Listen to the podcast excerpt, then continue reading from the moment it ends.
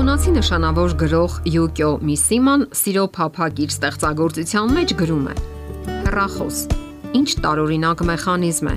Նա մի սովորական ձայն է արձակում եւ կարող է խառնել մարդու բոլոր զգացմունքները։ Ինչքան կիրք, սիրային խոստովանություններ եւ ատելություն է անցնում նրա միջով։ Միթե նա բոլորովին չի զգում մարդկային տառապանքը։ Իսկ միգուցե այդ հեռախոսային զանգերը հենց տառապանքն ինքն է ջղաձիկ եւ անտանելի։ Այստեղ խոսքը սովորական հեռախոսի մասին է։ Իսկ ինչ կարելի ասել թվային տեխնոլոգիաների մասին, առանց որոնց պարզապես անհնար է անգամ պատկերացնել ժամանակակից հասարակությունը։ Թվային տեխնոլոգիաները ներխուժել են մեր կենցաղը, ներխուժել են մեր ընտանիքը, հասարակական կյանքի բոլոր ոլորտները։ Մենք արդեն չենք պատկերացնում մեր կյանքը առանց համակարգիչների, հեռախոսների, պլանշետների,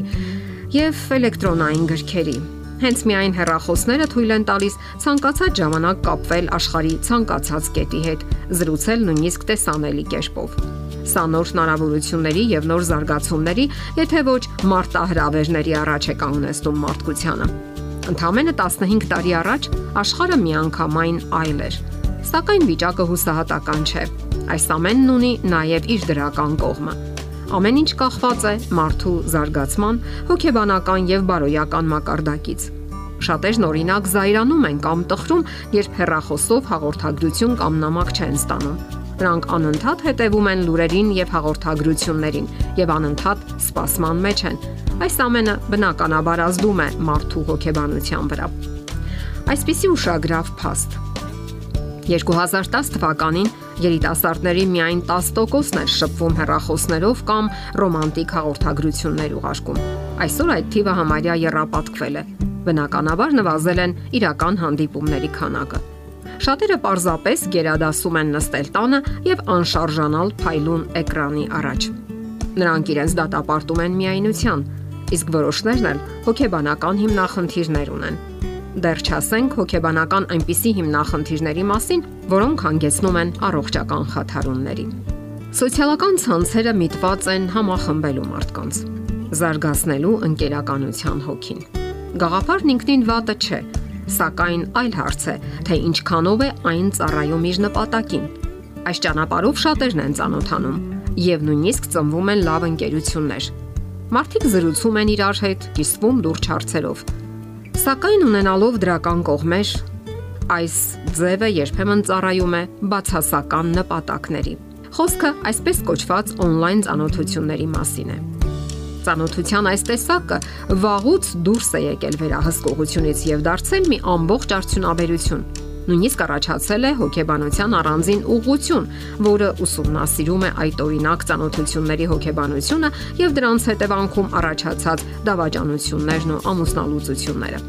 Իսկ պատճառները իսկապես կարևոր է բացահայտել, parzabanել եւ վերջապես փորձել վերացնել անհատապես որովհետև շատ մարդիկ իրենք էլ հաճախ չեն պատկերացնում on-line ծանոթությունների ներքին դրթապաճառներն ու վտանգները, որոնք շատ դեպքերում բերում են ամուսնական անհավատարմության եւ դավաճանության։ Իսկ ամեն ինչ սկսվում է անմեղ մի քայլից եւ մկնիկի մի շարժումից։ Եվ այսպես։ Խոսենք ամաչկոտության մասին։ Գուցե թվա, նույնիսկ տարօրինակ թվա, Սակայն երբեմն բնավորության այս որակն է մղում համացանցային ծանոթությունների եւ փոխհարաբերությունների։ Որոշ մարդիկ դժվարությամբ են հարաբերություններ հաստատում, շփվում։ Նրանք ունեն անլիարժեքության բարդույթ, անվստահ են իրենց ուժերին եւ թերարժեք են, տարապում են բազմաթիվ վախերից։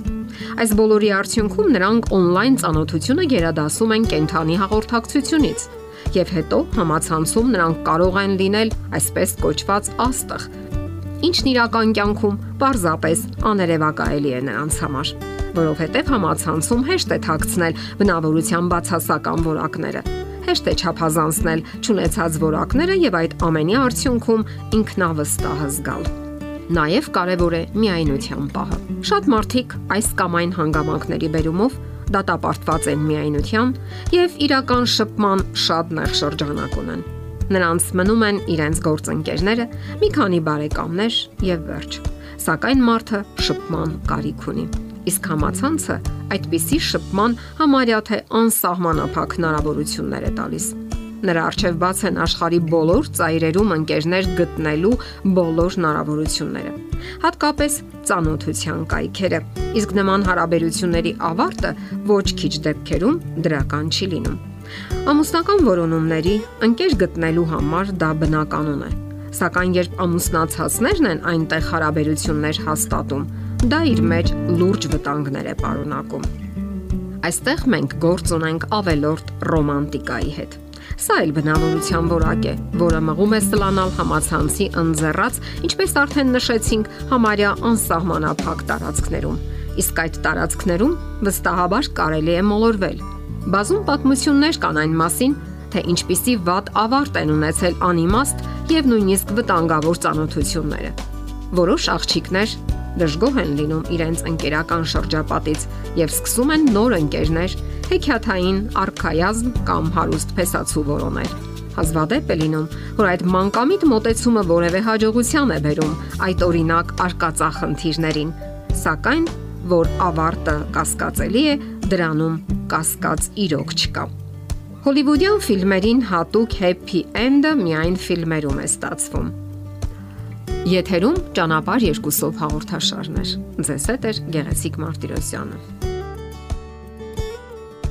Հարցերի եւ առաջարկությունների դեպքում զանգահարեք 099 08 20 93 հեռախոսահամարով։ Հետևեք մեզ hopmedia.am հասցեով։